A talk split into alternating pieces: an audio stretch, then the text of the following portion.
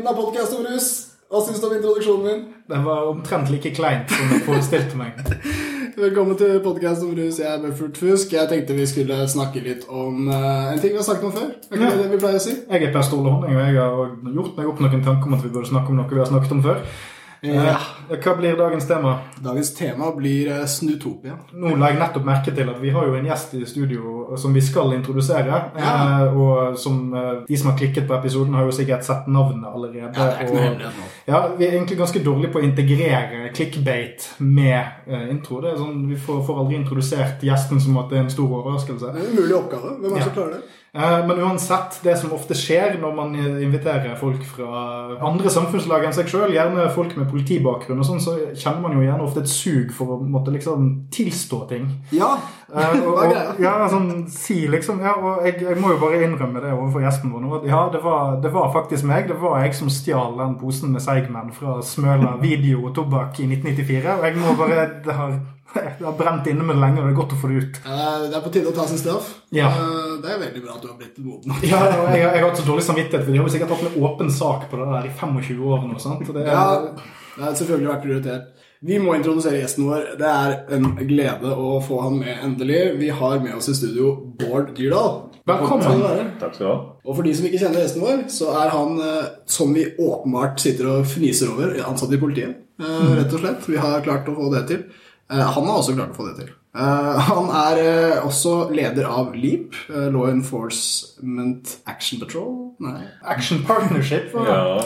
Ja, Ja, ja prøver, mange ganger, så går det bra. Ja, Men det er enklere, den gamle versjonen. da, vet Det du. er Law Enforcement Against Prohibition. Det var litt enklere å holde seg til. Det var den jeg husket. Altså. Ja, ja, ja. Den ligger framme der for alle. Og så en, også en, en ekstra stor takk til Grønland politistasjon for at de lånte oss en av glattcellene for å spille inn denne episoden. Det er jo en uh, eksepsjonelt grei Godt å være tilbake, si. ja. Tenk, tenkte at det passet for dere. Du har også Bård, vært årets stemme i Natt og Dag 2017. Eh, verdt å nevne at det er eh, faktisk tidlig for norsk eh, politisk utvikling på rusfeltet. Vant du? Nei. Nei. Nominert? Det Jeg var var nominert, var Ja, bare nominasjonen. Ja, ja, ja, ja. Det, det kan, Men det var jo hyggelig. Den er å være nominert, sier på Oscar-utdelingene. Ja, ja. det kan de takke seg sjæl for, disse idiotene som ikke stemte nok.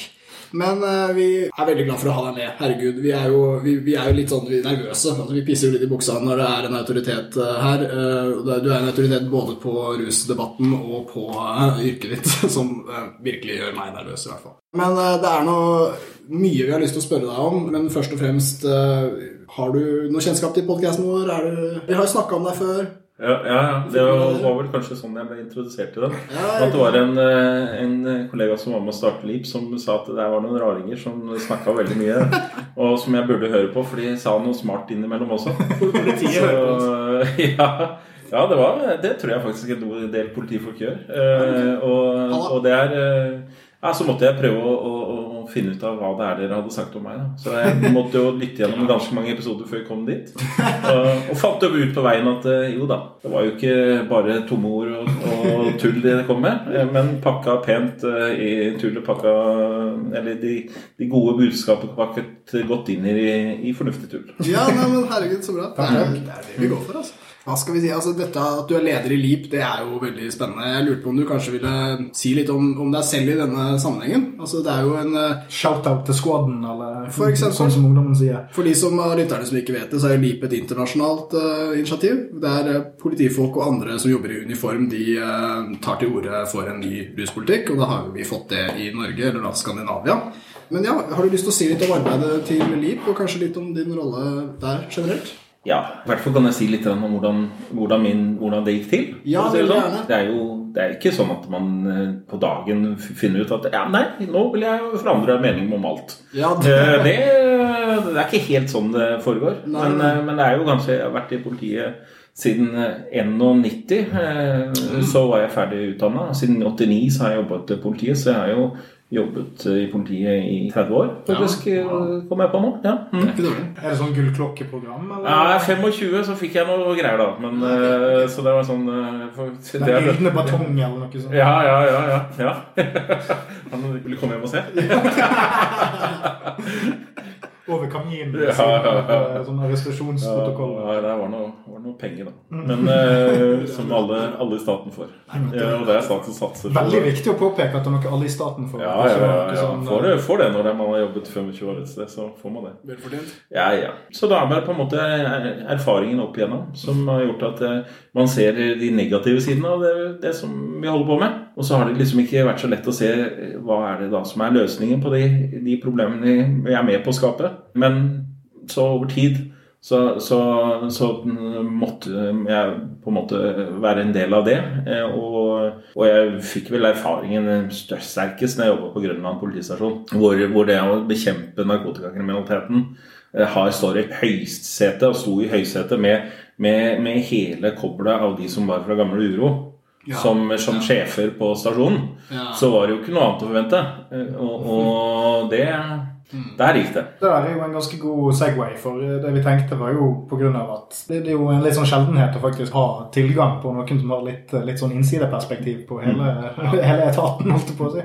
Kunne du bare tatt oss litt sånn kort liksom fra en sånn karrierepath, da? Altså, hvordan, hvordan, er det man liksom ender opp med å liksom havne i den situasjonen at man blir litt konfrontert over tid, da? Som nyutdannet, hvor er det man liksom havner først? og som nyutdannet så begynner man på gata. I hvert fall gjorde man det den gangen. Og det er kanskje ikke sånn nå, for det er ikke så populært å være etterforsker lenger. Men den gangen så var det et steg eller to opp å bli det. Så mm. da var det, begynte man på gata og, og jobbet som ordenspolitipatrulje ute. Hele gjengen, liksom? Og... Ja, alle gjorde det. Og jeg ville som alle andre være best. Og gjorde det jeg kunne for å være best. Og det man skulle gjøre da, var jo å ta kjeltringer, og de verste kjeltringene var de som eh, brukte narkotika. Ja. Og det prøvde jeg å være god på, men jeg var veldig dårlig på det. egentlig. Så jeg fikk det aldri helt ordentlig til. Men fikk sikkert plaga en god del mennesker allikevel. Så, så det, det, tror jeg nok at jeg, jeg, gjorde.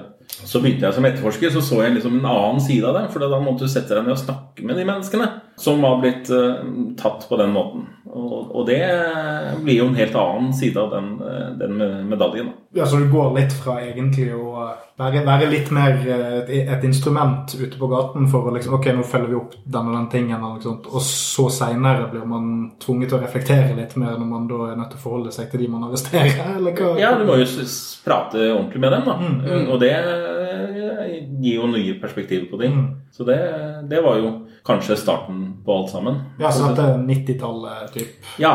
Så jeg jobba vel tre år på gata før jeg på en måte begynte som etterforsker. Og, og, fikk jo det mye bedre til. For jeg var ikke noe veldig god på å ta folk. Så, men jeg var mye bedre på å snakke med folk. Mm. Eh, og så fikk jeg ganske gode resultater av det. Så jeg var vel i sin tid den yngste førstebetjenten i Oslo. Mm. Og var litt stolt av det. Så der var jo karrieren ordentlig på vei oppover, da. Og så, så ble det ikke helt uh, i skyene, men uh, jeg har hatt det gøy. Nei, men Så, så kult. Uh, men, men du har som sagt møtt på folk på gata som bruker narkotika i denne si, praksisperioden, mm. men i utgangspunktet så er det vel andre ting du har jobbet med når du har vært etterforsker? Det er ikke vært narkotikafeltet? Ikke så mye, men som ung etterforsker så må man jo ta tak i det. Ja. og det er jo det på en måte der, det er jo der ressursene lå den gangen, og det er det vi brukte tid på. Og seinere, når jeg har vært vært leder for de som holdt på med dette, så har jeg også eh, måtte forholde meg til det. Så Det er ikke sånn at jeg ikke har jobbet med narkotika, men mitt eh, interessefelt har jo vært mest, mest eh, voldskriminalitet. Men, men der igjennom også er det veldig mye knyttet til narkotika i forskjellige former. Ja, jeg holdt på å si voldskriminalitet, altså ekte kriminalitet. Men, men, nå skal jeg, skal jeg, passe meg litt. Men nei uh, Ikke bli for varm i tøyene. Nei, det er litt for tidlig i sendinga. Eh, men, men, jeg lurte på det altså, Du nevner at det var der ressursene lå. og sånn. Har det vært noen endring på det? Er, det, altså, er narkotika sikkert fortsatt godt prioritert, men det, har det vært noen endring? Ja, det, er, det, er, jo endringer. Altså, ja. det, det, blir bedre, eh, for å si det sånn. Eh, ja. Det er jo ikke sånn at narkotika står øverst overalt, uavhengig av hvor stor forbrytelsen er, Nei, lenger. Men det har en sånn egen kraft i dette med at du pågriper noen. For når du pågriper noen, så må han avgjøres. Han blir sittende i celle. Hvis han ikke kan norsk, så må det ha tolk. ikke sant? Og, ja. og, det drar jo på seg en del eh, arbeid rundt det. Og, og, Så når det sitter en kar i celle pågrepet, så kan du ikke ignorere det. Du kan ikke legge det bort. Det må du ta tak i. Og, og, med de knappe ressursene vi har, i hvert fall der hvor jeg har jobbet, så betyr jo det at det går utover noe som er mye mer alvorlig. Ja. Og, og, da må vi legge bort det alvorlige og satse på det som eh, ja, vi har for hånden. For å si det. sånn. Ja, ikke sant? Ok, for da har du på en måte Du har den kriminelle fysisk Han sitter jo fysisk der. Ja, ja, så Du kan ikke ignorere det. Du Nei. kan ikke på en måte, ja, det er det, jeg får bare sitte der. Ok, så da, da er det sånn at det da altså På grunn av at eh, altså at noen som kanskje er under, under deg i, i systemet, henter inn et problem fra gaten, eller noe Mm. sånt, som da tar presedens over noe du kanskje burde ta Altså du er nødt til å ta noen telefoner for å liksom få i gang saken på. Det er Ja. det som er Ja, ja, forskjellen her. Ja, har du en familievoldssak eller en annen alvorlig voldssak, så må du gjøre noe aktivt for å komme i gang. Ja, for du har ingen Ja, Du kan ha en anmeldelse, men du har jo ingen som sitter der. i hvert fall. Nei. Så det kan utsettes til i morgen. Og det som kan utsettes i morgen, kan også utsettes til overmorgen. Og, og sånn kan vi holde på. Ja, for, uh, Og det har vi vært flinke til å ha gjort lenge. ja, for det er en, eh, synes jeg, en mye tydeligere og litt enklere forklaring som sier meg litt mer som, som lekmann enn denne sånn eh, inntrykket man sitter om at ja, men ting blir bare henlagt av litt sånn abstrakte grunner. Det, det, er det er virker jo veldig både forståelig og frustrerende. Direktivene fra Riksadvokaten er jo tydelige, har vært i hvert fall de siste årene, eh, på, på at, hva det er som skal prioriteres. Og, og de er ikke noe dårlige, men det er bare ikke verden blikket til på den måten. Det er eh, det som du har der, det må du gjøre noe med. Og så har vi prøvd å gjøre noe med det i Oslo Vi har altså laget en egen avdeling som har til ansvar for å snakke med de som sitter i, i arresten. eh, Og prøvd å effektivisere det, men klart det er, det er grenser for hvor mye du kan gjøre. Og det du tar, setter ressurser til å gjøre noe, så må du ta det fra noe. Det er jo ikke sånn at de bare finnes der og dukker opp av seg selv. Det er jo alltid sånn du får flytte ressurser fra et sted til et annet, og da blir det mindre av det der det var. Så sånn eh, var det egentlig den frustrasjonen jeg opplevde med det, med noe som er helt uløselig for pro- problem for politiet. Vi, vi får jo ikke gjort noe fornuftig med det. Det endrer seg jo ikke. Og, og, det, og da må vi også legge bort det som virkelig betydde noe for mennesker, til fordel for det som, som ikke hjalp noen ting. Det syns jeg var veldig vondt. da. Ja, for der har han en sånn rekkefølge. For Hvis man skulle løst det problemet du snakker om her, måtte det jo nesten vært sånn at de som driver helt konkret med, med etterforskning, kanskje ikke skulle Eller den seksjonen du satt i, kanskje ikke burde hatt noe med de som ble tatt inn på cellen å gjøre. Ja, mitt det forslag og liksom. noe, noe av det man holder på med nå, men som man ikke når helt i land med, det er jo at den som pågriper, han skal gjøre ferdig den saken. Ja. Ikke sant? Det, det var jo en av de tingene når, når ja, en av de sentrale lederne for NNPF hadde den geniale ideen at vi skulle rydde Vatland for alle narkotiske problemer. problemer.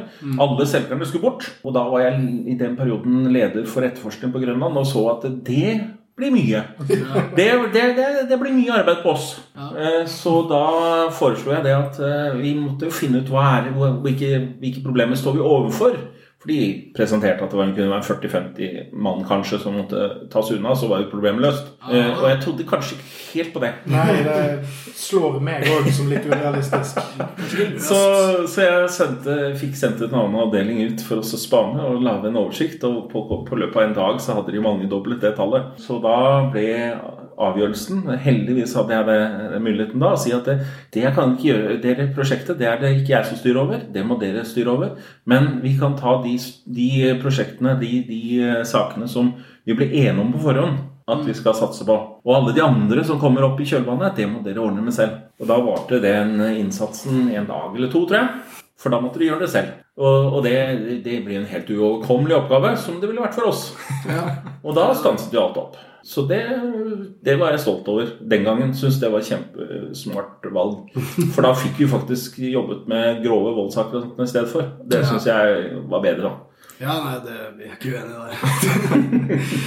det, er, ja, det er veldig veldig interessant. Og det, men det, men det er flott å få innsikt i disse prosessene òg. For altså, når vi sitter på utsiden altså, Vi får jo kanskje en, en nyhetsartikkel på slutten, eller sånn, og der står det om voldtektssaker som henlegges, eller det står om lange behandlingstider. eller noe sånt, og da, For oss så føles det nesten som man, man sitter liksom med to saker, en i et ark i hver hånd, og så da, da, da tar vi saken for den er enkel. eller noe sånt. Altså, Det fremstår slik for oss. Men dette er jo en mye bedre forklaring av hvordan ressurser faktisk eh, fordeles og, ja, og må prioriteres. Jeg skjønner jo godt at, eh, at det er veldig mange praktiske sider, sånn som med denne aksjonen du nevner. Ja da, men den kom jo allikevel, da. Jeg var jo bare midlertidig der, så jeg, og jeg la vel ikke inn korta, kan du si, for å få lov til å fortsette der heller.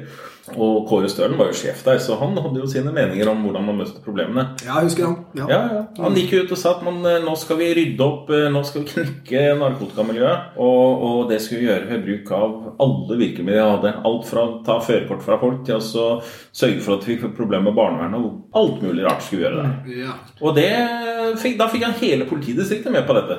Og, og, så det, det som ble, skulle være en lokal aksjon, ble en kjempeaksjon for hele politidistriktet. Mm. Er, det, er det den, en av de aksjonene som endte opp med at Plata-miljøet spredt? Nei, det er seinere. Ja. Det er senere. Eh, så, men man fikk knekt eh, salgsmiljøet rundt Akerselva. Mm. Det gjorde man. Mm. Eh, de flyttet seg opp i boligområdene istedenfor.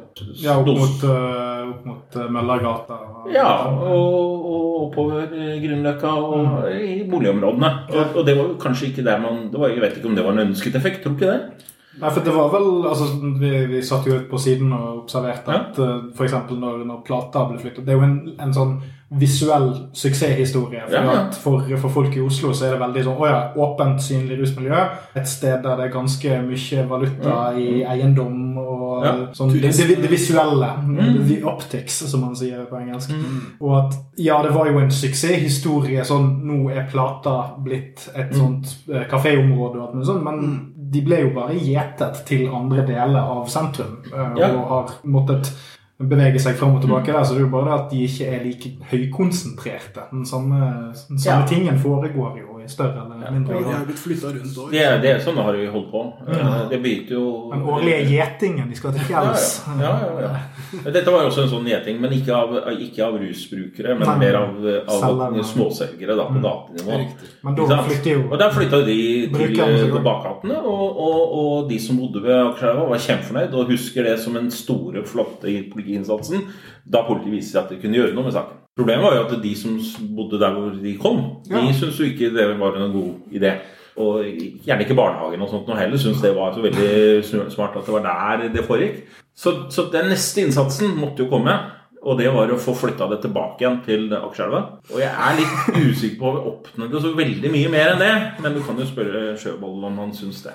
Nei, men det er jo sånn, sånn Sosialdemokraten i meg får jo lyst til å si at altså, hvis vi først skal ha åpne rusmiljøer her, så er det jo, er det jo er det jo noe egalitært med å drive og flytte de litt rundt. da. Ja, sånn, at, sånn, at, alle får en litt sånn smak av hvor digg det er å få de vekk. og Det, å få de i hagen. Det er ingen av oss som mener at det der er et fint miljø å ha. Ja. Eh, det, ikke, det, handler jo ikke om det, mm. og at vi syns det er bra, men, men, det er bare det at det er så et håpløst problem. Mm. Vi, vi, klarer ikke å løse det, og det eneste vi klarer å løse er, gjøre, er å skape et nytt problem. Og da må vi ha, i hvert fall tenke to skritt fram da, på hvordan vi, vi gjør det. Og det å selge hasj i Norge det vil for de aller fleste som er der, være en mer lukrativ geskjeft enn alt mulig annet. Og det er millioner av mennesker i verden som kunne tenkt seg heller det enn det de gjør nå. Mm. Så jeg tror ikke vi klarer å løse det. Nei, og der, der, er det så mye realiteter som ikke alltid kommer med i den andre, si, andre siden av debatten. enn politiet tradisjonelt har. altså Vi har et enormt cannabismarked i Oslo. Vi vet jo at eh, når, når folk sto i køen til UDI før mm. den ganske nærme Akerselva, så ble det rekruttert til hasjsalg i den køen. altså mm. Kommer rett fra en krigssone, har ikke en krone og kjenner ingen. og så kommer det en fyr med en hasjplate og så sier han så går han og selger den her, og så skal jeg ha tilbake 4000 i løpet av dagen. Ikke sant, og Hva annet skal du gjøre? Hvilken ja, annen jobb kan du få? Da har du virkelig ikke noe alternativ. Så det, det, vi har lagd et system hvor vi, vi, virkelig begynner å introdusere de som kommer hit til landet, for den gullmuligheten de har. Mm. Og det er å være kriminelle. Ja, og det er, er, er, det det beste vi kan gjøre, liksom? Kan vi gjøre noe med det? Sånn at ikke det er den, eh, det alternativet som fins, da. Nei, vi, vi, hadde jo en episode med Mohammed Abdi for ikke så lenge siden, og da snakket vi også mye om minoriteter, og da ble det også mye snakk om uh, politiet. Men da var vi også innom dette med at folk som kommer fra, fra utlandet, de, de kjenner f.eks. mange folk i utlandet. Og om en gang du begynner på en sånn kriminell løpebane, så la oss si du kommer jo kanskje fra et land der det er masse da, eller masse opium eller et eller annet som kan smugles, og så, så blir det en veldig dårlig start når du kommer til landet. Og så er det liksom der du begynner. Så har du alle premissene klare for å bli stuck der og ikke klare å bli ja. ordentlig ja, Tenker De fleste kommer hit for å skape seg et bedre liv. Men når det eneste Og, og kan gi trygghet, selvsagt. Men, men trygghet er også å skape seg et bedre liv. Og når den eneste muligheten du har det til å gjøre det bra der du er, er nettopp dette. Og det er så lett for hånden. Det, er så, det er, ligger liksom der oppe i dagen. Ja, og du står i køen og spør om du vil gjøre det. Eh, da, da tenker jeg at det, det systemet må vi tenke gjennom. Er det det smarteste? Mm. Vi har snakket mye om Norsk Narkotikapolitiforening, og vi ble jo derfor glad altså Vi oppfatter jo LIP Skandinavia som et slags motstykke til dette. Nå vet jeg ikke om du, er, om du, du føler at du står akkurat på den andre siden, om det er helt sånn likt fordelt, det vet jeg ikke. Men uh, jeg lurte på om du kunne si litt om LIP Skandinavia, hvordan det går med dette prosjektet. Er er det mye støtte å få internt i politiet? og sånt? Internt i politiet så er det ikke noe interesse, egentlig. Nei, det, er det er vel eh, mm. det som er det mest påfallende. Det er, vi har kjempemange hyggelige, flotte kolleger. De er bare helt uinteressert. Ja, det er det. Og, og det er jo ingen egenvinning i å drive på på denne måten her. Eh, bortsett fra sånn, vi som da tenker at det, ok, tar vi ressurser bort fra noe som vi bruker veldig mye ressurser på, som ikke løser noe problem med, så blir det faktisk ressurser til noe som vi ønsker å gjøre noe med. Eh, så der tenker jeg at det er en egenvinning som, som nok har motivert meg mye. Ja, Men så er det vanskelig å, å eh, få formidlet til andre at det, den ligger der. Ja, det, det, skjønner jeg godt. Det får meg til å tenke noe rundt altså, angående LEAP, f.eks. Mm. Altså rekruttering til det, eller sånn, mm. rekruttering til i hvert fall en, en kontra, kontraaksjon, eller hva du skal kalle det. Mm. Når jeg hører liksom, denne måte, responsen du får på enkelte ting, sånn, så begynner jeg å tenke litt på selvrefleksjon i politiet. Jeg har f.eks. sett at du har, du har hatt noen uttalelser til, til, eh, Ja, du har gjort intervju i avisen og litt sånt, mm. der, der, du sier at ja, men vi, vi, er jo litt sånn som vi har sagt her, altså vi er jo et instrument. Vi skal ikke være politisk aktive, men likevel så er NNPF en aktiv politisk gruppe. Jeg tror det jeg er ute etter å prøve å spørre meg hvordan altså for, for, meg så virker det som om at når NNPF blir stiftet, så er det, det at de ser ikke helt at de er At de prøver å påvirke politikk på et eller annet slags vis. Jeg tror ikke de på en måte har det internalisert, eller at de skjønner det. Det er en ting som er uh, merkbart ellers. At man, at man, føler kanskje at man, man har retten litt på sin side, og så bare går man litt ut ifra det? Ja, men om, eh, ja, det var et langt spørsmål. Ja, med mange forutsetninger. Ja. Eh, men, vi, vi, er litt sånn her, skjønner du. ja. Og det sa jeg òg. Nei, jeg, jeg, jeg vet ikke hva jeg skal. Svar på det du føler. Ja, si hva du vil. Nei, eh, vil jeg si at NPF har jo på en måte gjort Intensjonen bak det er mm. veldig god.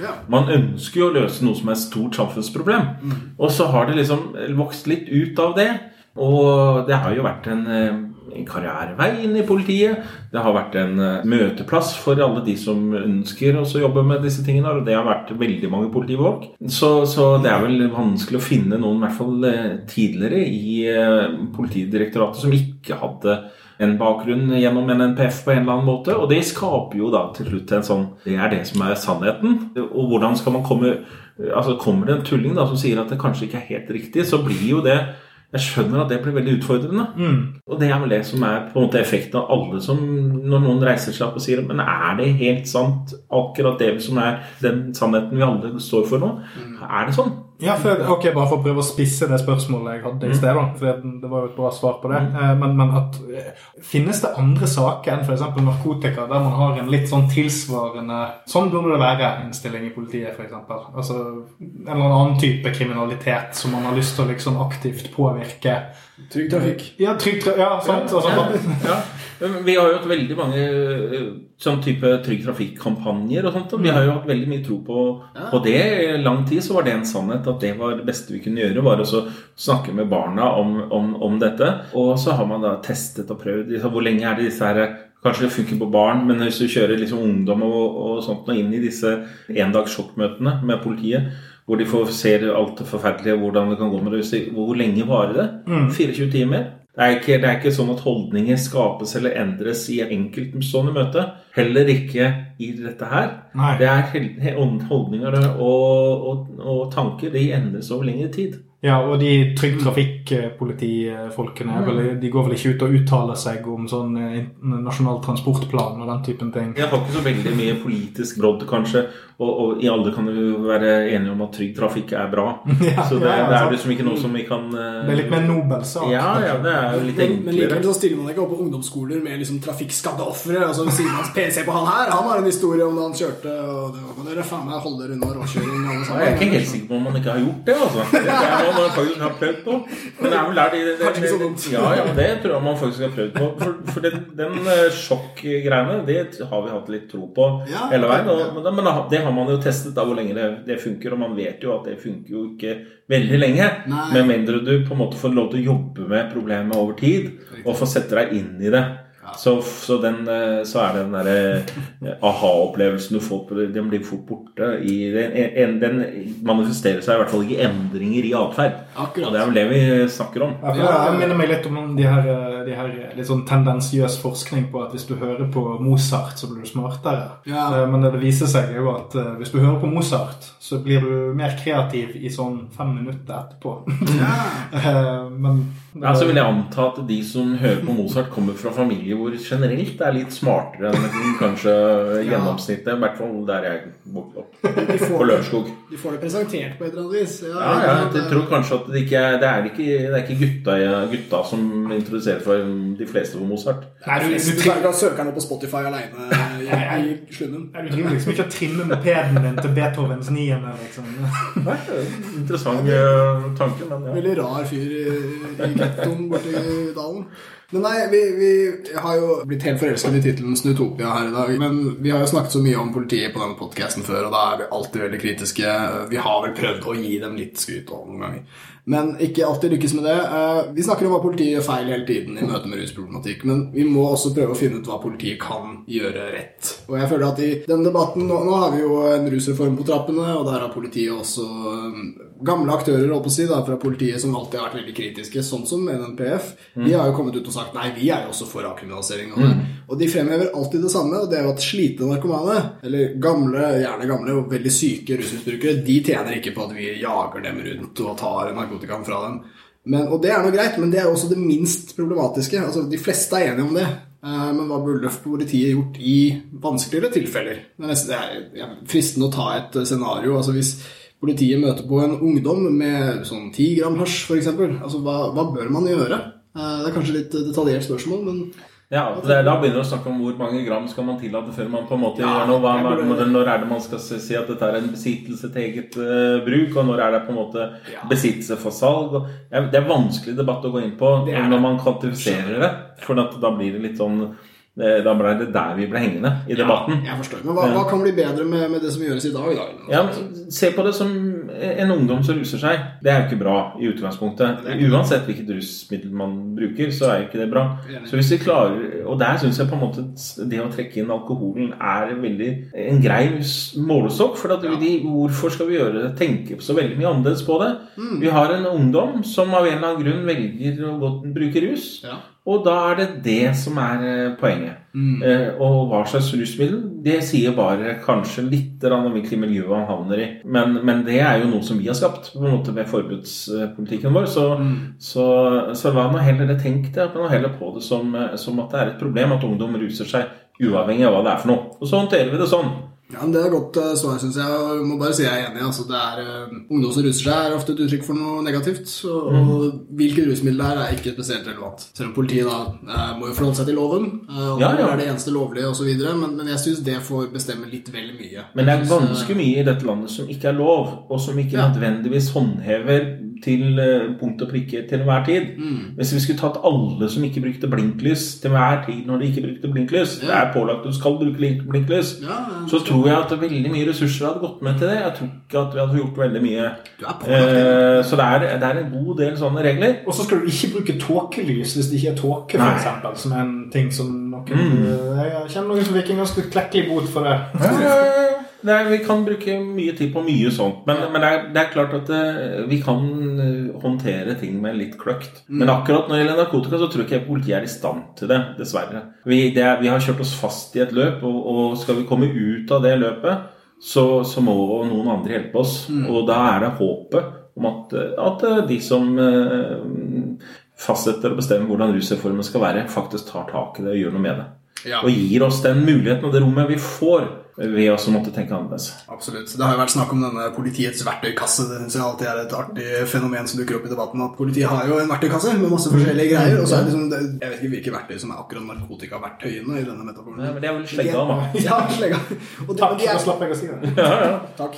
Burde jeg komme på selv. Eh, men da er det, det er altså den viktigste i boksen. Eh, ja, ja. Som sånn det fremheves. Og det syns jeg gjør denne metaforen så utrolig rar. Hvorfor ikke det verktøyet passer og linjal, f.eks.? Ja, ja. ja, hvorfor ikke det? Eller Ja. hvis du bruker hammer på alt, så begynner alt å se ut som spiker. Ja. Ikke det det som er Ikke, ikke sant? Jeg, jeg har jo snakket med politifolk som mener at eh, nei, hvis f.eks. hasj var lovlig, det hadde ikke endret noe på måten vi diskuterer med ungdom, eller hvordan ungdom ser på oss. eller noe sånt. Men så har jeg også kompiser som har vært kjempeglad i cannabis. og Når de da har vært i Nederland, eksempel, så er de, plutselig er de glad i politiet. Plutselig har de lyst til å gå bort til politiet og på en måte skape en sånn fred som de aldri har hatt før. Mm. Sånn, Endelig kan vi slappe av. Det, det viser jo at dette cannabisforbudet er jo helt essensielt for deres liksom, forhold til politiet og deres uh, frihetsfølelse, eller hva jeg skal si. Og Det, det syns jeg er veldig interessant. Det, det er mange mange ungdom som kanskje liker cannabis, og som kanskje også vil like politiet, og så lar det ikke seg kombinere. Jeg har jo snakket med noen som har på en måte for eksempel, gått hjem fra fest og vært litt påseilet og ikke fulgt så lovlige substanser.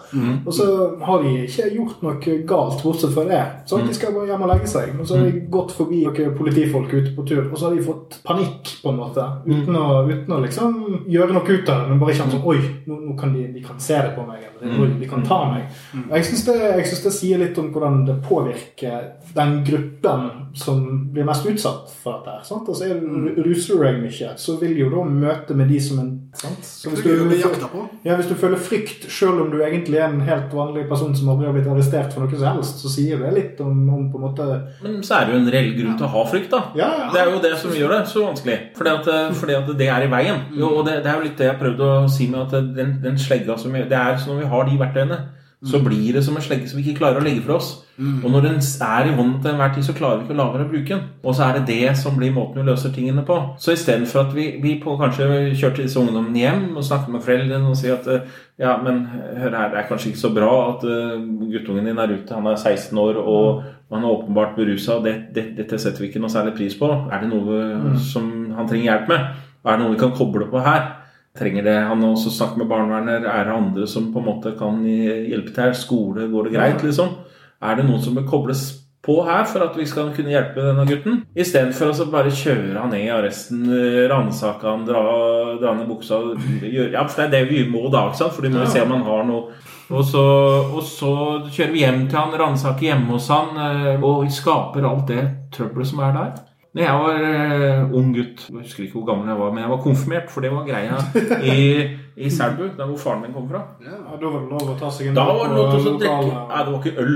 Det var sprit. Så, for det var hjemmebrent som var greia den gangen. Riktig. Og da var det jo sånn at eh, jeg gikk jo på denne festen, og jeg var også konfirmert, så jeg også hadde lov til å drikke alkohol. Og, og, og onkelen han visste jo at det gjorde jo alle ungdom. Så, så han sendte meg med meg ting som skulle være bra, da. Ja, okay. Det- Jeg veit ikke hvor bra det var. Det var nok en veldig dårlig løsning. Men det var litt grønt, eller? ja, det var i hvert fall endte det med at jeg ble plassert et sted for sånne som meg. Som ikke helt hadde Kontroll på hva de. Nei. Og det, men jeg ble tatt godt tatt vare på. Ja, ja. Og, og kom meg fint hjem. Og fikk dusja av meg. Ble dårlig og ikke gjort liksom de tingene som man gjør da når man er dum. Men bare tenk det scenarioet motsatt. At det har vært et eller annet annet, da. Ikke hadde jeg vært dårlig. Jeg hadde vært fullt i stand til å ta vare på meg selv. Eh, og, men jeg hadde brukt et rusmiddel som var ulovlig. Og, og den gangen ville jeg i hvert fall der blitt ringt til noen som hadde kommet og hentet meg, og de hadde tatt meg, og de hadde kjørt meg i arresten, og de hadde reist hjem til onkel og pågrepet han, og de hadde ødelagt hele familien min. All min relasjon til foreldrene mine ville vært totalt knust. Og, og, og onkel sitt liv ville vært ødelagt. Eh, Og, og, mitt liv antageligvis mye dårligere. Ganske Hva. Hvorfor denne forskjellen? Det ene er mye mindre farlig enn det andre. Men vi håndterer det minst farlige som om det var Ja, jeg skjønner ikke dette. Nei, og jeg, jeg deler, eh, deler den eh, si, manglende forståelsen av dette her. Eh, Det er jo også, altså, som du sier, det store et, et påfallende problem med en gang vi drar alkohol inn, og det er noe jeg mener er helt korrekt å gjøre, det er jo at det største ulovlige rusmiddelmarkedet ellers, det er cannabis. Og det er den substansen som av de ulovlige substansene lettest kan si er mindre farlig enn alkohol. På, de andre liksom, tyngre rusmidlene så blir det fort en sånn diskusjon om hva som er skadelighet og ikke. Men nå er vi i den situasjonen hvor forskere i hopetall er samkjørte på at alkohol er mye skadeligere. Kan vel si det er konsensus. Det er det, altså. Det er, det. Det, er ikke noe, det er ikke noe lett i debatten å prøve å hevde at uh, man ikke er enig om det lenger. Men det at cannabismarkedet er så stort, altså det utgjør kanskje 90 av narkomarkedet, eller noe sånt, de andre rusmidlene er ikke så mange som bruker osv., så, videre. så Så da blir dette poenget veldig relevant. Altså At dette rusmiddelet ikke nødvendigvis har helseskadelige konsekvenser. I hvert fall ikke så veldig store.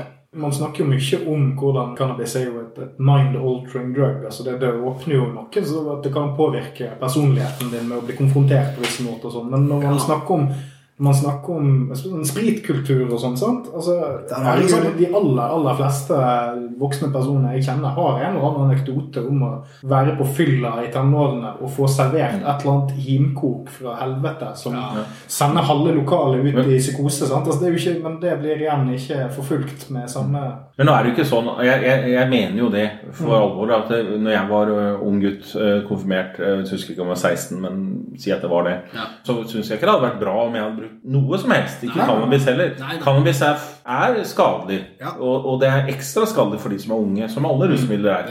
Ekstra skadelig for de som er unge. Så, sånn, at, det, sånn at jeg ikke, mener jo ikke at det er greit. Men jeg mener bare at det finnes forskjellige måter å løse problemet på. Mm. Og at uh, den løsningen vi har valgt i dag, kanskje ikke er den beste. Ja, og misforstå meg rett. Altså det, det eksempelet jeg kom med, tok jeg fordi at på akkurat det der med f.eks. hjemmebrent og sånn, så er jo mm. det ting altså hvis du, hvis du havner inn i en alkoholkultur som tenåring, mm. så er jo det Alle er jo skjønt enige om at det er jo helt horribelt, og det kan òg være med å påvirke personligheten din negativt. Og samme med, med cannabis òg. Altså, sånn, du, gjør du det av feil grunner, og er du, er du mm. dum og liksom ikke helt vet hva du driver med, kan det kan ha negative konsekvenser, det òg. Men på et eller annet vis har jo kulturen vår på en måte akseptert at nei, du skal drite deg litt ut når du er tenåring. Det, mm. Vi kan bli sinte på ungdommen som kommer hjem som 16-åring og spyr, liksom. Men, men han, han, får bare lide litt gjennom feilene han har gjort sjøl, og så komme seg litt ut av det. Vi har vel klaget på ungdommens mm. del som er så belest, det er ikke siden Sokrates til, det er enda lenger tilbake. Som han har, har skriftliggjort at man har klaget på ungdommen. Ja, så, så det måte så, så, det har vi alltid gjort. Og, og mm. ungdommen har aldri vært så flink og så bra som i dag. Og ikke for lenge siden. altså det var bare et par dager siden så var det jo et, en krangel sant, i, i, byen her med noen ungdommer som satser opp mot politiet. Ja. Og, og, da eh, er jo det naturlig at politiet påpeker at det er ikke bra. Ikke at uh, man ikke hører på, på oss når det er nødvendig å høre på oss. Men det er jo ikke noe nytt. Det er jo ikke noe sånn at det er noe som skjer nå. Det var ikke før. Hvordan var det på 90-tallet med 1. mai-opprøret? Liksom? Det var ikke akkurat sånn at det var hyggelig og vennlig stemning mellom Blitz og politiet da heller.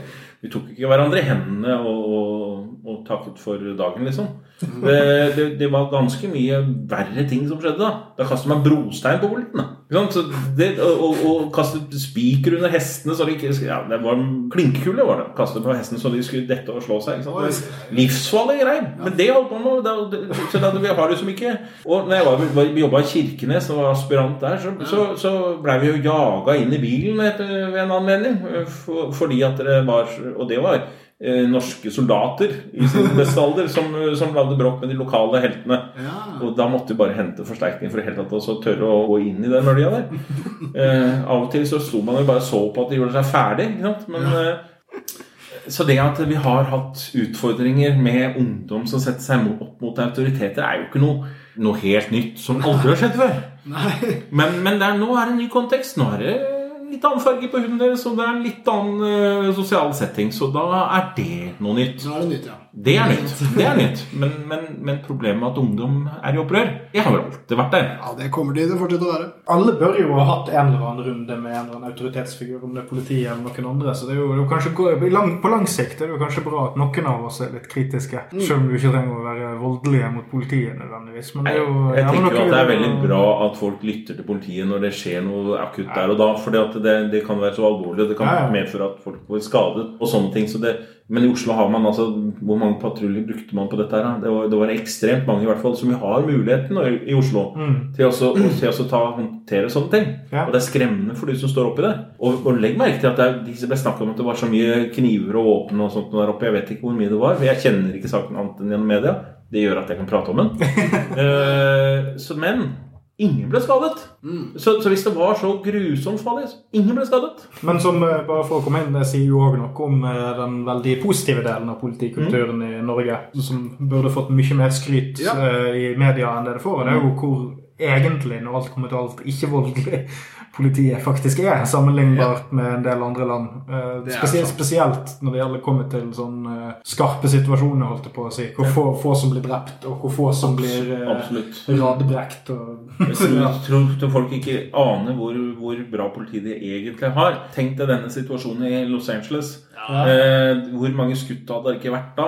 Ikke sant? Det, det, Ja, for da, da tar vi i hvilken av situasjonene. Var det Rodney King, eller var det noen andre? Eller var det den på 60-tallet, var det den på 2000-tallet? Ja, men så, faren for at det eskalerer, er mye større i de fleste andre steder enn Ja. eh, enn hos oss. Ja. Og vi har en relativt god tone med de fleste.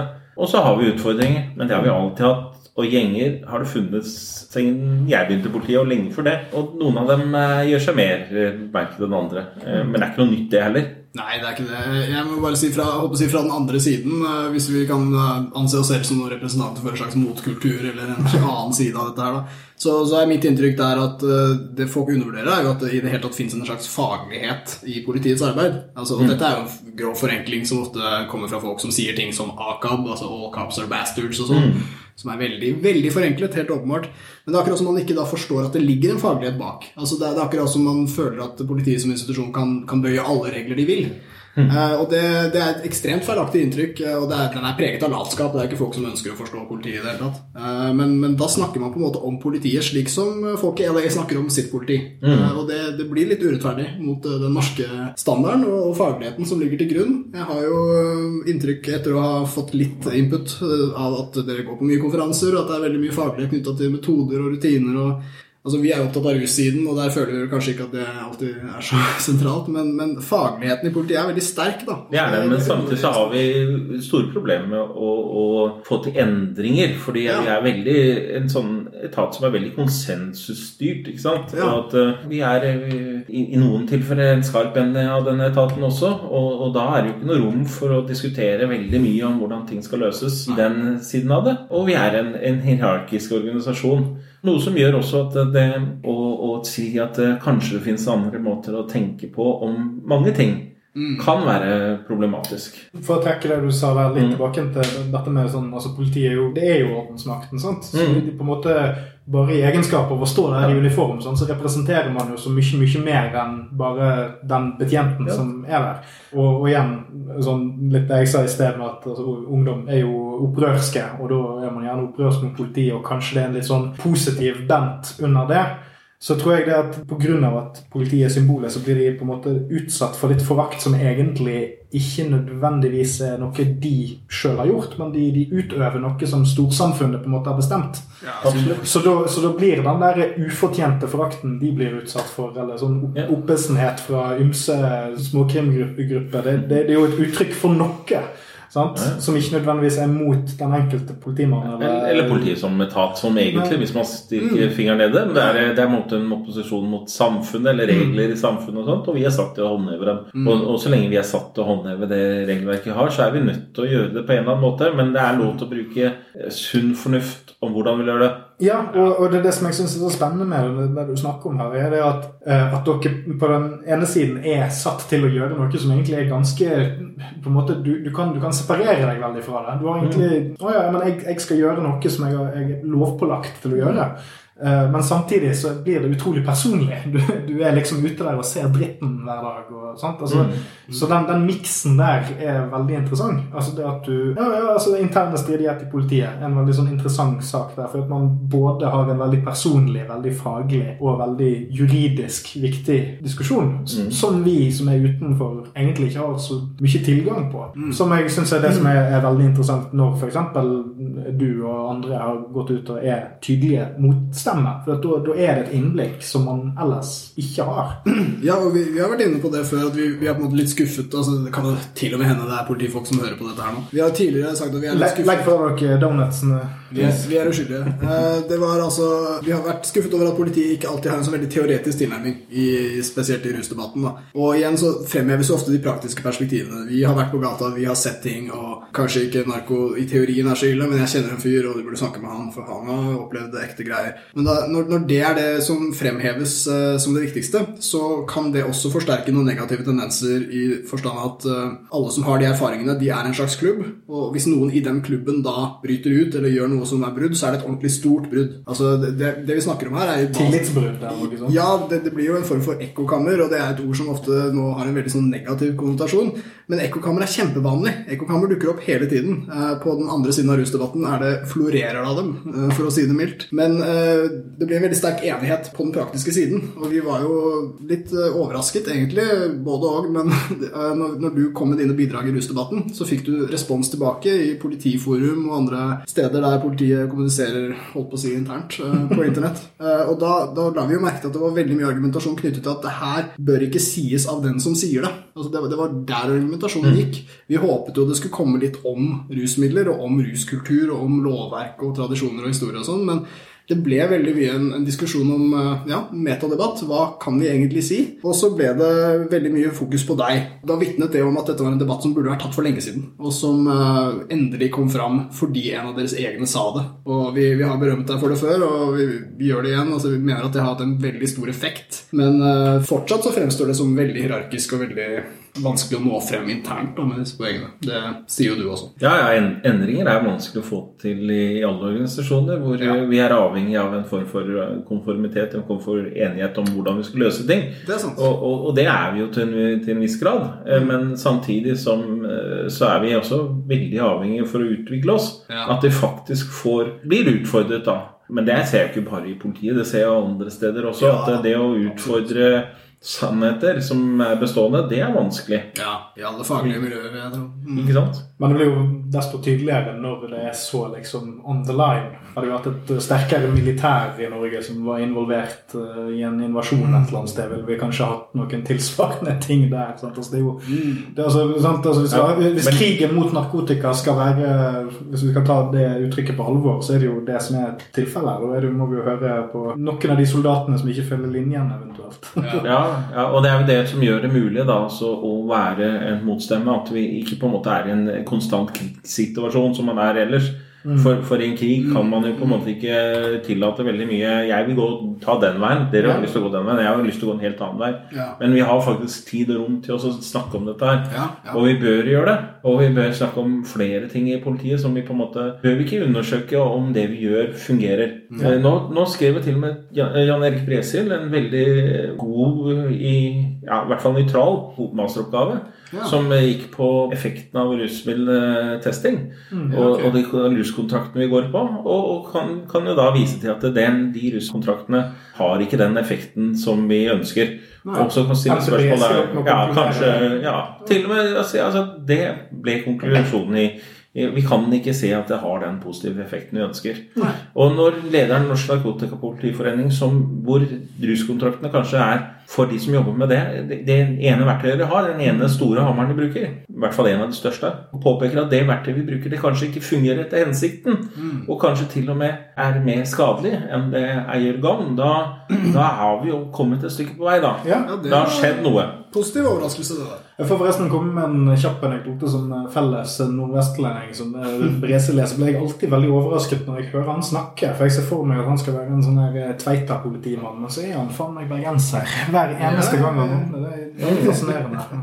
Plutselig har havnet her. Men uh, igjen, det, det, det syns jeg er fin, positiv nyhet vi lærte der om denne oppgaven og analysen ja. han har gjort. For det, altså, igjen så underbygger det at det finnes en faglighet til bunns her som du da ikke kan rokke med. Altså, når du skal skrive en master, så må du følge metoden. Og ender kanskje med konklusjonen du ikke ønske deg selv, men, men jaggu så skriver han likevel. Uh, dette, dette, er veldig fint. Jeg må si det er overraskende. Jeg, jeg hadde kanskje ikke forventa så mye.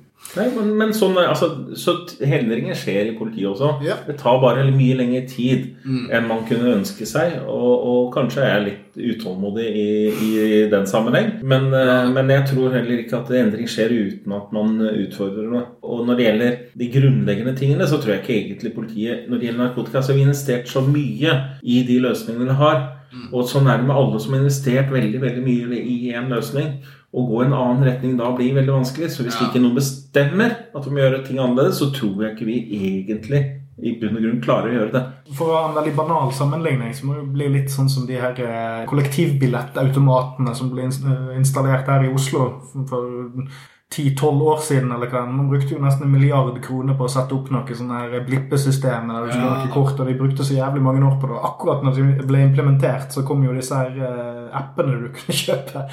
Så det var jo x antall milliarder, om ikke millioner, 100 millioner kroner, som røk rett i dass. Men der hadde man jo i hvert fall, der var, ikke, der var det jo en prestisje som førte til det. da, Men det var jo heldigvis ikke noen som døde på gaten pga. Uh, svartmarked, bussbilletter eller den slags type ting. ja, du tok dem bort til slutt. Så, Ja. så ble det Nei, dyrt. de står jo der ennå. Nei, Mange er fjernet. De Ja. har de har i hvert fall brukt penger på det òg. Ja. Ja, ja, ja, ja, men det er, litt sånn, det, er sånn, det er jo litt det som vi er da. At vi har satset veldig mye penger på det, og vi fortsetter å pøse penger i noe som eh, Og det, det ser man i veiprosjekter, det ser man i alt mulig rart i samfunnet. Vi brukt masse penger på en løsning, og så kommer noen og sier at hvis vi bare flytter veien en kilometer, så sparer vi tredobbelt av det som står igjen å bruke på den veien som vi har begynt å bygge. Ikke pokker om vi slutter å bygge den veien vi har begynt å bygge da. Nei. Den bygger vi ferdig fordi om den blir tre ganger så dyr. Ja, ja, Eh, så, så, så, sånn er det jo i samfunnet. Vi har investert kjempemye i disse løsningene. Men vi kan hjelpe oss med det hvis vi begynner oss å undersøke litt om det vi gjør, fungerer. Og det var jo det som Bresel var inne på og gjorde. ikke sant? Han fant ut at det vi gjør, fungerer jo ikke. Og da må vi gjøre noe annet. Og det er litt også dette med, med skal vi, Kan vi registrere hva vi gjør? Skal vi registrere hva vi holder på med? Og det syns jeg vi skal begynne å gjøre. For vi har jo dette med både vi har med ransaking, som da krever skjellig grunn, og du skal ha skjellig grunn på forhånd. Og hvis du f.eks. bruker hund, og du ber den hunden gå til deg og luk- lukte på deg, altså sender den til deg, da skal du, før du gjør det, ha skjellig grunn for å gjøre det. Så du skal Yes. være på allerede der være over den terskelen. Og så kan du da kanskje få hjelp av hunden til å finne hvor du skal lete, hvilken bag eller whatever. Men, men det er en ransaking. Og så er det andre som er visitasjon. Og visitasjon det er jo sånn man kan eh, stanse mennesker på gata i et område som er belastet med mye kriminalitet, hvor voldskriminalitet har vært en, et problem, og så kan man eh, kontrollere om vedkommende har på seg kniv, f.eks. Mm. Og, det, og det har vi lov til. Men da er det en, en konkret ordre om at det skal du gjøre nå. Da blir den patruljen sendt ut, en konkret ordre om at det skal du holde på med. Og da bør vi registrere hva vi holder på med. Og når vi ransaker, så må vi registrere det. Når Hver gang vi sender en hund for oss å gjøre et søk, så må vi registrere det. Det er en ransaking. Da skal vi skrive rapporter om det. Og så når vi da kan in the end of the day si at hvor mange er det vi har undersøkt, eh, hvilken bakgrunn har de, er det en etnisk profilering som er uheldig her? Sånn? Er det et, et skjevbilde? Finner vi det egentlig ved, ved å velge de, gjøre de valgene vi gjør? Finner vi det vi er ute etter? Kanskje vi da finner ut om å justere arbeidsmetodene våre. Men uten at vi registrerer hva vi holder på med, så er det ingen verktøy vi har for å finne ut om det funker. Ja, jeg, jeg hadde lyst til å bare kaste inn et spørsmål der, fordi jeg vet at i USA blant annet, så har det vært praksis der politiet har eh, kamera på brystet når de patruljerer, og så har det vært eh, diskusjon frem og tilbake med om det fører til mye ekstraarbeid, om det er vits, og om det er eh, jeg håper si verdt det. Eh, og der husker Jeg jeg så en politimann som da hadde vært negativ til det, tidligere, og så hadde de prøvd en periode, og så etterpå gikk han ut og sa at dette må vi fortsette med. Eh, og det, det var jo pga. resultater som var målbare, da, i, i form av eh, Jo, men det var vel, og den, det har vel spesielt blitt fremhevet pga. anklage om racial profiling Ja. og en del skuddløsninger der man da har spørsmål om politimannen har skutt noen uten Ja, at så- så Absolutt. Det er mange veldig amerikanske problemstillinger, men, Ja. men jeg lurer fortsatt på om dette kunne vært noe for, for norsk politi. Ja, for hvis vi, nå snakket jeg, Det det jeg snakket om nå, var f.eks. at hvis du ble stampet på gata Ja. visitert, så, så fikk du et, eh, en kvittering på at du ble visitert den, den dagen. eh, Og årsaken var at det var en eh, visitasjonsordre på de som befant seg i det området den dagen. Og dermed så var det svaret. Ikke sant? Og, og da var det registrert. Ja, Og så har vi kanskje eh, registrert 100 stykker, og så har vi funnet en kniv. Og så spør vi ja, men kanskje vi skal gjøre det et annet sted neste gang. Eller at vi har ransaket. Vi har ransaket 40 stykker, og så har vi funnet hasj på to.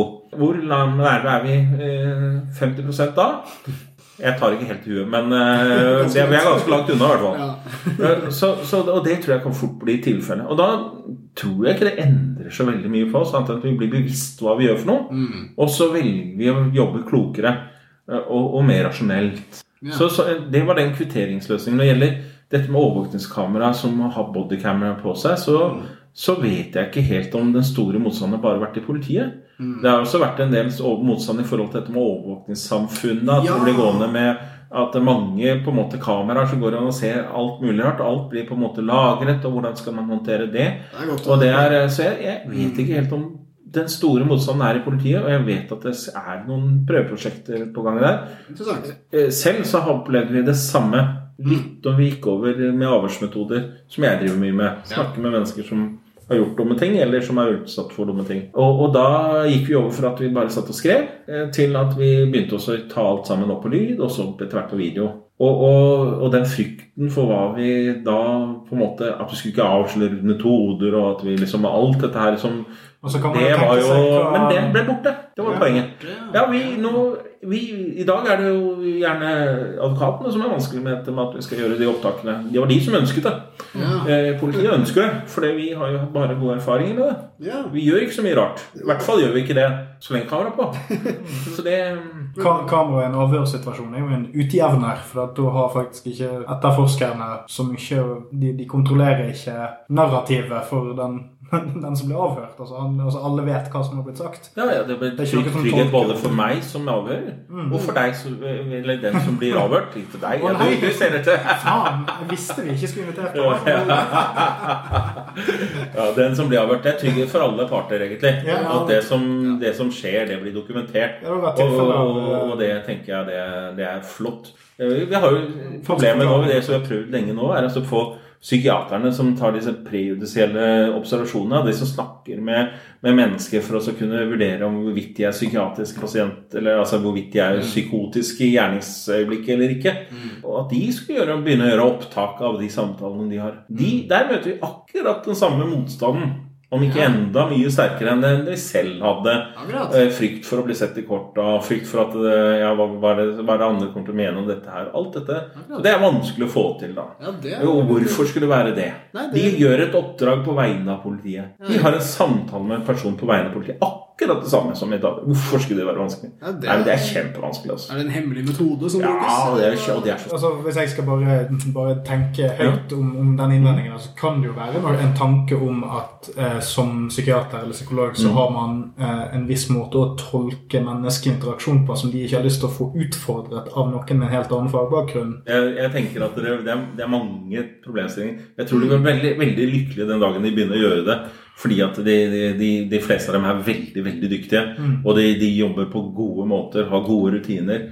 Men, men, men det er fordi det blir avmystifisert. Eh, og de som liker mystikken, vil jo gjerne kanskje ha den der. Ja, altså, ja, men så er det jo og Disse tingene er jo ofte en, en samtale i, i samfunnet, da, altså mellom ulike grupper som har ulike agendaer og sånt. Mm. Og da, da er det jo òg en diskusjon om hva som er sant. Så jeg tror kanskje når vi først var inne på det med bodycams og overvåkningssamfunn og sånn, så tror jeg kanskje den utfordringen der er det at kanskje vi da ender opp med et samfunn eh, som er mye mer altså Rett og slett mer at, at vi baserer oss mer på video enn vi baserer oss på tanke. sant? Det kan jo være en reell eh, Og det er jo litt, litt av det vi er redd for. Så hvis du hadde reist opp og klikka til meg nå etter å ha skrudd av den mikrofonen, så har det ikke skjedd. Ja. For jeg har det ikke på video.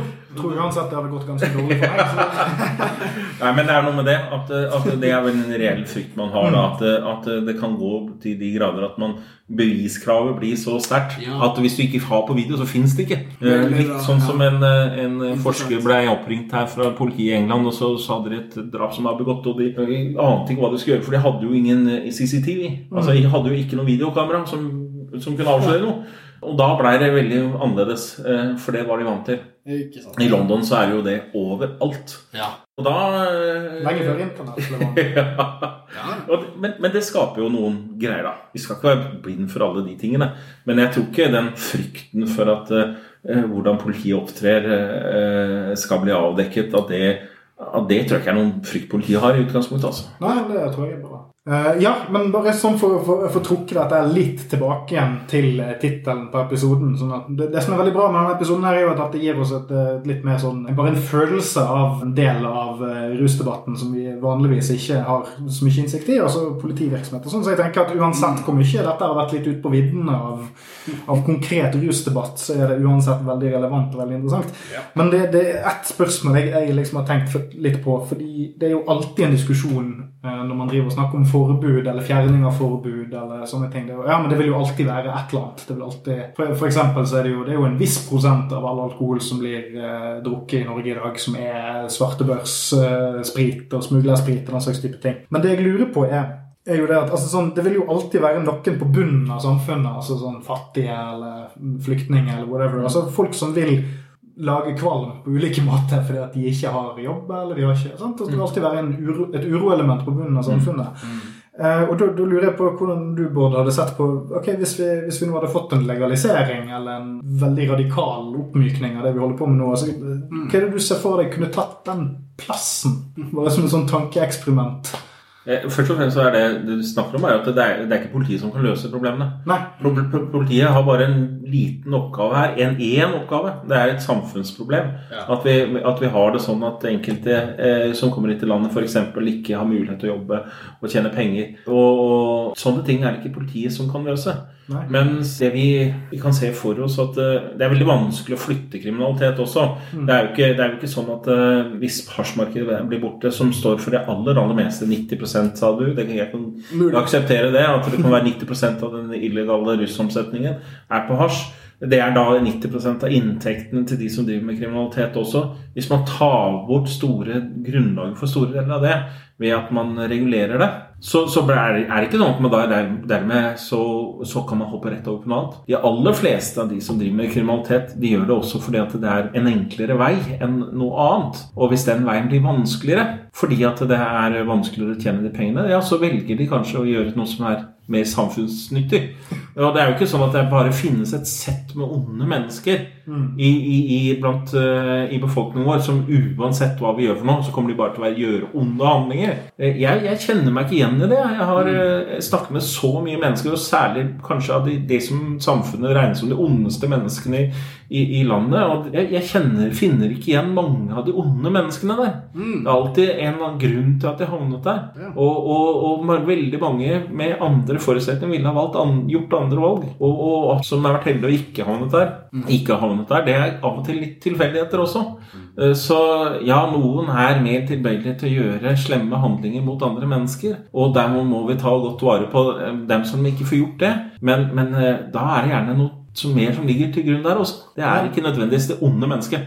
Mm. Og, i hvert fall er det ikke sånn at uh, jeg er ond, og derfor så kommer jeg til å gjøre en annen ond kriminalitet uh, når man er en hasjselger.